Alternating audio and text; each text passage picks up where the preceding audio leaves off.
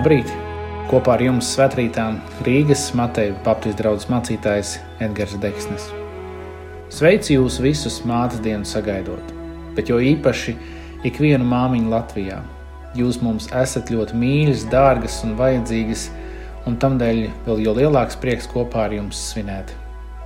Šī pavisam noteikti ir svētku diena, kad esam aicināti palūkoties katrs uz savu mammu un tāpat laikā ielūkoties Bībelē pēc piemēriem par to, kā un kādai būt labai mammai. Šajā rītā vēlos mūsu pārdomām vērst skatu uz kādu māmu Bībelē, kuru Dievs bija sveitījis ar sešiem bērniem. Viņas vārds ir Hanna. Nezinu, kādas ir mūsu personīgās domas par bērniem, ja par spēju dzemdēt bērnus, bet Izraēla tautas dzīvē, kur sieviešu loma līdz Jēzus laikam ir bijusi salīdzinoši necila, Tas vienmēr ir bijis aktuāls jautājums. Bez tam ne tikai dzemdēt, bet piedzemdēt dēlu. Tas ir bijis katras sievietes goda un vērtības jautājums. Nevar noliegt, ka mūsdienās lietas un situācijas ir mainījušās, tomēr arī šodien visas sievietes fiziski nevar kļūt par mamām. Un tamdēļ es ceru, ka šis stāsts būs par iedrošinājumu un kādām arī par izaicinājumu. Bet pirms tam es aicinu, ka varam kopīgi lūgt Dievu. Varenais un mūžīgais Dievs, slavu un pateicību Tev par šo dienu, par šo svētku dienu. Dievs, paldies Tev par mamām un māmiņām. Paldies Tev, Dievs, ka varam ienākt šajā pasaulē tieši caur viņām. Kungs, lūdzu, svētī mūs, pārdomājot šo stāstu un palīdz katram satvert to, kas jāsatver, ka ne tikai mūsu prāti kļūst zinošāki, bet vēl jau vairāk, lai mūsu sirdis kļūst pazemīgas tavā priekšā. Āmen!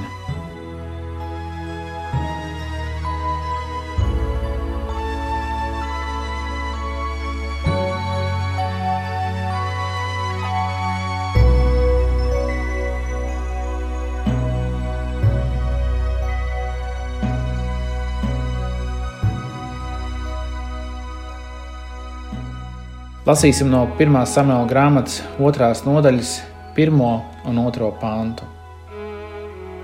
Hanna lūdza sacīdama: Mana sirds gavilē kungā, kungs manu spēku augstu cēlis, mute man lielās pret maniem ienaidniekiem, jo es līksmoju par tavu pestīšanu. Neviens nav tik svēts kā kungs, neviens nestāv tev līdzās, nav tādas klints kā mūsu Dievs. Amen.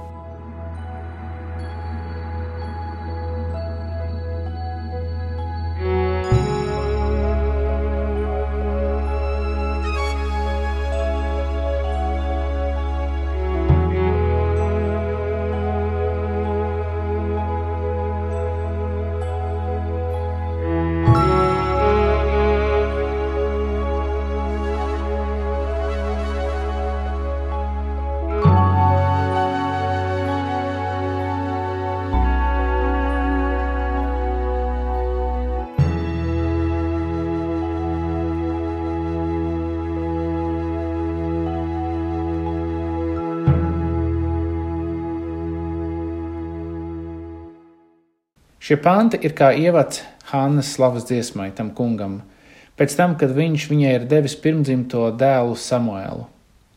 Tieši to pašu Samuēlu, kurš savas dzīves noslēgumā svaida Dāvidu par Izraēla tautas ķēniņu.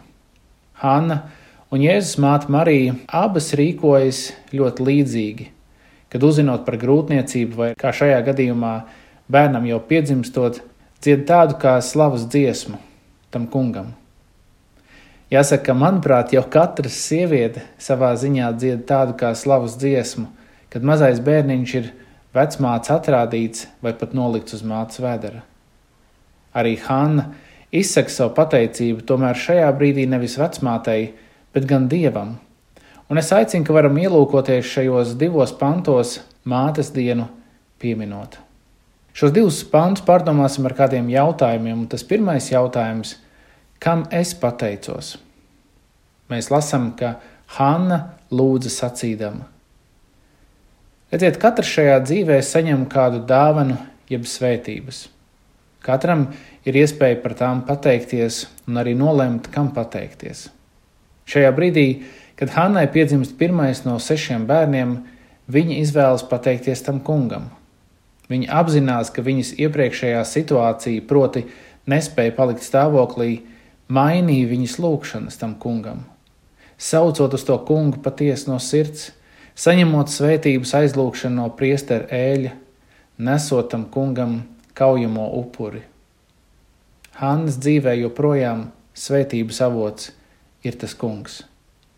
Kam es šodien pateicos par tām svētības dāvanām, kuras nāk manā dzīvē?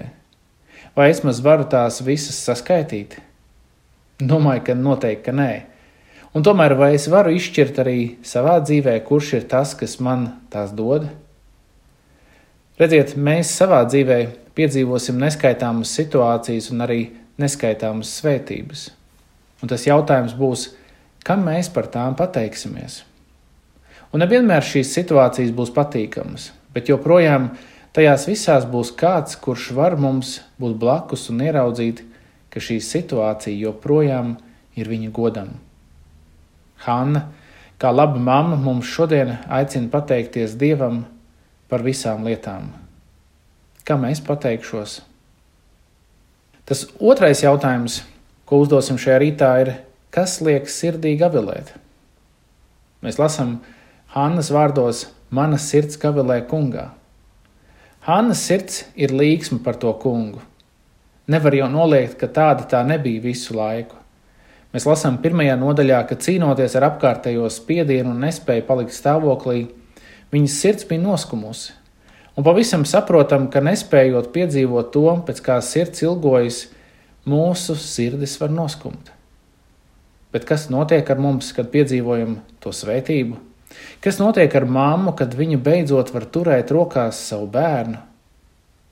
Hannas sirds piedzīvo pilnīgu transformāciju, un tā kļūst līksma, jeb sirds gavilē. Sirds gavilē kungā. Noteikti, ka mamām ikdienas dzīve, kur pilna ar dažādām rūpēm par bērniem, sadzīvi un noteikti arī par vīriem, neraksturojas kā bezrūpīga dzīve. Bet vai šajā Pienākumiem pilnajā ikdienā mana māte sirds gavilē kungā. Tavs bērns vai tavi bērni, tā ir svētība no tā kunga. Esi pateicīgi par to. Redziet, Hanna, kā laba mamma, mums norāda, ka par viņas sirds gavilēm atbildīgs ir tas kungs.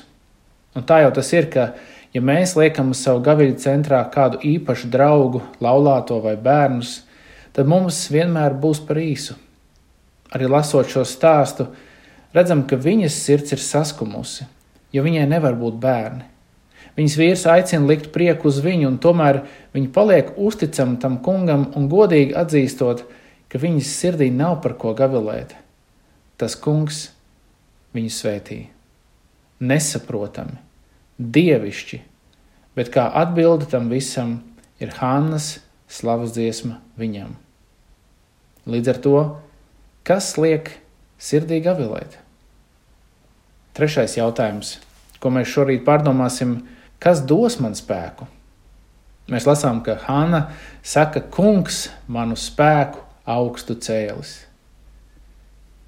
Liekot savu identitāti uz radību, nevis radītāju, mēs vienmēr nonāksim un saskarsimies ar spēku trūkumu, ar nevēlēšanos vai nespēju šo dienu izdzīvot, Un nevar noliekt, ka daudzām sievietēm kļūšana par mamām ir identitātes jautājums. Un līdzīgi kā Hannai, tas var ietekmēt pilnīgi visu. Bet vai nav saudabīgi, ka tieši šie identitātes jautājumi, jeb tās jomas, kas nosaka, kas mēs esam, tieši tās Dievs visbiežāk pārbauda? Un nevar noliekt, ka arī šodien mēs meklējam spēku avotu, kas palīdzētu mums iziet cauri dažādām dzīves situācijām. Iespējams, ka daudzas no sievietēm meklēja spēku šajā laikā, nespējot kļūt par māmiņām, bet tāpat neskaitāmas mammas meklē risinājumu, kur rast spēku ikdienas tik daudzajiem un dažādajiem pienākumiem, un iespējams šajā ārkārtas situācijā to kļuvuši vēl vairāk. Māma, kas tev dos spēku? Hanna, kā laba mamma, caur savu slavas dziesmu norāda, ka tas, kas viņas spēkus augstu cēlis, ir pats radītājs, tas kungs. Un nav jau brīnums, ka mēs bez dieva nenieka nespējam. Mums viņš ir ļoti vajadzīgs, bet iespējams kādreiz mēs to vienkārši neapzināmies. Sekosim Hannas piemēram, ka varam no sirds sacīt, kā reiz Pāvils ir sacījis: Es visu spēju tā spēkā, kas mani dara stipru. Kas man dos spēku? Ceturtais jautājums, kuru vēlamies apskatīt, ir, kas ir tava prieka pamatā? Kad mēs lasām otro nodaļu, kur Hāna izpauž savu slavas dziesmu tam kungam, viņa saka, mute man lielās pret maniem ienaidniekiem, jo es līksmoju par tavu pestīšanu. Hannas dzīvē netrūks cilvēku, bet jo īpaši tā viena cita sieviete, kura burtiski bers sāli viņas brūcē, nespējot kļūt par māmu. Bet tad, kad notiek šis brīnums, tad Hanna ir gatava stāties pretim katram apvainotājam. Nevis lai atdarītu ar ļaunu, ar apvainojumu, bet gan ar līgsmību, jeb prieku stāstot par to glābšanu, jeb brīnumu darbiem, ko tas kungs ir paveicis viņas dzīvēm. Un noteikti, ka mamām savā ikdienā ir jāiziet cauri neskaitāmām grūtām situācijām, kur netrūkst kritiķu vai pretinieku, bet kur tik ļoti vajadzīgs kāds cerīgs skats nākotnē. Kāds iepriecinājums? Kur tu, mamma, smel savu prieku? Jebkas tavā dzīvē dod tādu iepriecinājumu, ka tava sirds kļūst līksma. Hanna, kā laba mamma, mums māca, ka viņas prieks balstās tajā ticības piedzīvojumā, ka Dievs viņu ir glābis. Šajā gadījumā tas, ka tas kungs ir uzklausījis viņas lūgšanas, ir devis kādu rezultātu, proti, viņa līksmo kungā. Un ar šo apziņu ir gatavs stāstīt katram, ko tas kungs ir darījis viņas dzīvē. Kas ir tava prieka pamatā? Ja pirmajā pantā Šie četri jautājumi mums palīdz redzēt, ka Hanna runā par savu veidu zināmām izmaiņām, kuras ir notikušas viņas dzīvē. Tad otrajā pantā gribas sacīt, ka viņa min iemeslu, kāpēc šīs izmaiņas ir notikušas, jeb kas viņai ir palīdzējis spērt šos zināmos soļus ticībā. Ja mēs lasām vēlreiz šo otro pantu. Neviens nav tik svēts kā kungs, neviens nestāv tev līdzās, nav tādas klints kā mūsu dievs. Kas saudabīgi, tad šos vārdus viņa min uzreiz pēc tam, kad savu apmēram dažus gadus veco pirmdzimto dēlu ir atvedusi uz tā kunga namu un nodevusi viņu priesterim Ēlim, lai Samuēls kopā tā kunga namā varētu kalpot visu savu mūžu. Tāda bija viņas sirds vienošanās ar to kungu. Ja viņš Hannu svētīs ar dēlu, tad viņa to novēlēs tam kungam uz visu mūžu. Vai Hanna nerīkojas mazliet pārspīlēt, jeb gribas sacīt fanātiski? Vai Hannai būs iespēja dzemdēt vēl vienu dēlu? Vai Samuēlam tur būs droši, zinot, ka Ēlim pašam ir savi dēli? Šie un iespējams līdzīgi jautājumi izskrien caur Hannai Un arī šodien ikvienai mammai, domājot par šo situāciju, iespējams rodas vēl vairāk jautājumu. Kā viņa to drīkstēja, kā viņa to varēja? Savu veidu neziņa, sava veida nedrošība. Nevaru pat iedomāties, kas mamām ir jāpiedzīvo vai jāpārdzīvo, bet man kā tētim arī ir savi pārdzīvojumi par bērniem bet nevar noliekt, ka mamām tas ir pavisam citā līmenī. Un tomēr Hannai pietiek spēka un drosmes savu dēlu palaist, jeb izpildīt šo uzdevumu, šo vienošanos līdz galam. Jo redziet, tas jau nebija kaut kāds vieglprātīgs process no Hannas puses, kur viņa palaida savu dēlu, tāpēc, ka viņai bija jāpalaiž. Nē, Viņa bija uzticama tajā, ko viņa bija apsolījusies tam kungam. Viņa izpildīja savu vienošanās pusi, jo tas kungs bija izpildījis savējo. Un Hannai paliek šīs divas atziņas, šīs divas patiesības, kas dod viņai spēku un pārliecību. Un proti, mans Dievs ir svēts. Mans Dievs ir svēts. Un otrā, mans Dievs ir klints. Mans Dievs ir klints. Dievs turēja savu vārdu, un es uz viņu varu paļauties. Un iespējams, ka kādai mammai ir līdzīgi izaicinājumi kā man, proti, vēlme kontrolēt savu bērnu dzīves, bezmaz vai katru bērnu soli. Un pilnīgi saprotam, ka tām, kurām kļūšana par mammu nav bijis viegls process, šīm vēlme kontrolēt vai pasargāt savus bērnus ir vēl izteiktāka. Tāpat noteikti daudziem no mums ir vēlme kontrolēt savus dzīves, lai viss notiek kā plānots. Bet pats Dievs visā šajā mums atgādina, ka mēs nevaram ieņemt viņa vietu. Katram ir sava vieta, un viņš ir klints, jeb patvērums.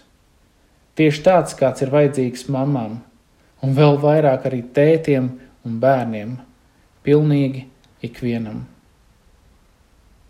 Hanna Kā laba mamma mums māca, ka cilvēka identitāte un vērtība dievā mainās. Ja šajā pasaulē ir pieņemts viens, tad dievu valstībā tas ir kaut kas cits.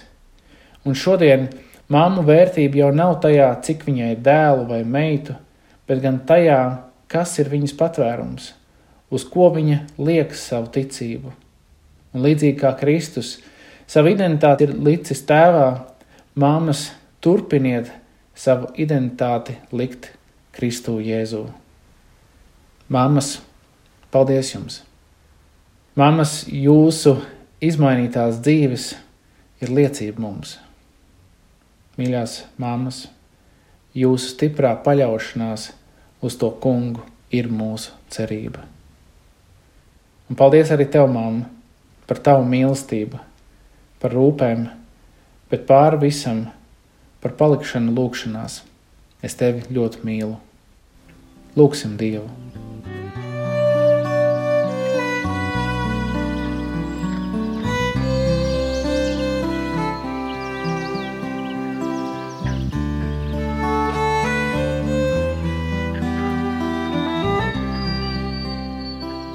Varenais un mūžīgais Dievs, mēs Tev slavējam un pateicamies par šo svētku dienu, kuru varam svinēt arī ar radio starpniecību.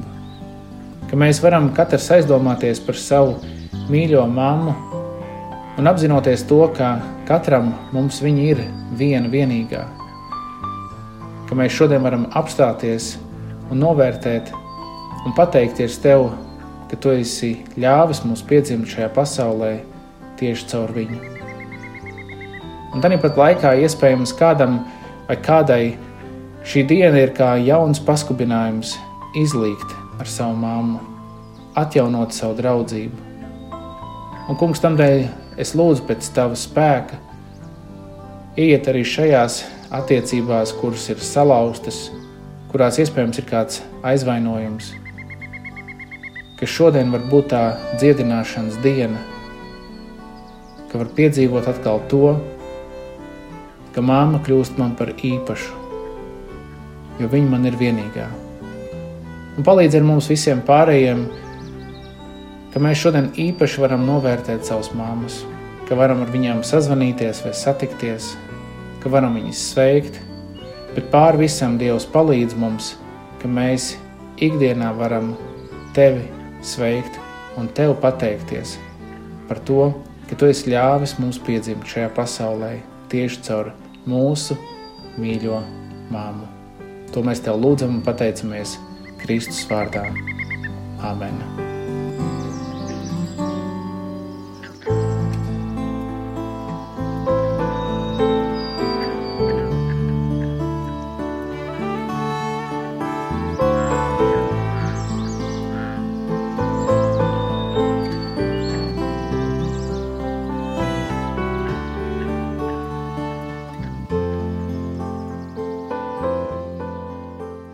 Ar jums kopā svētkrītā bija Rīgas Mateja Baptistu draugs mācītājs Edgars Deksnis.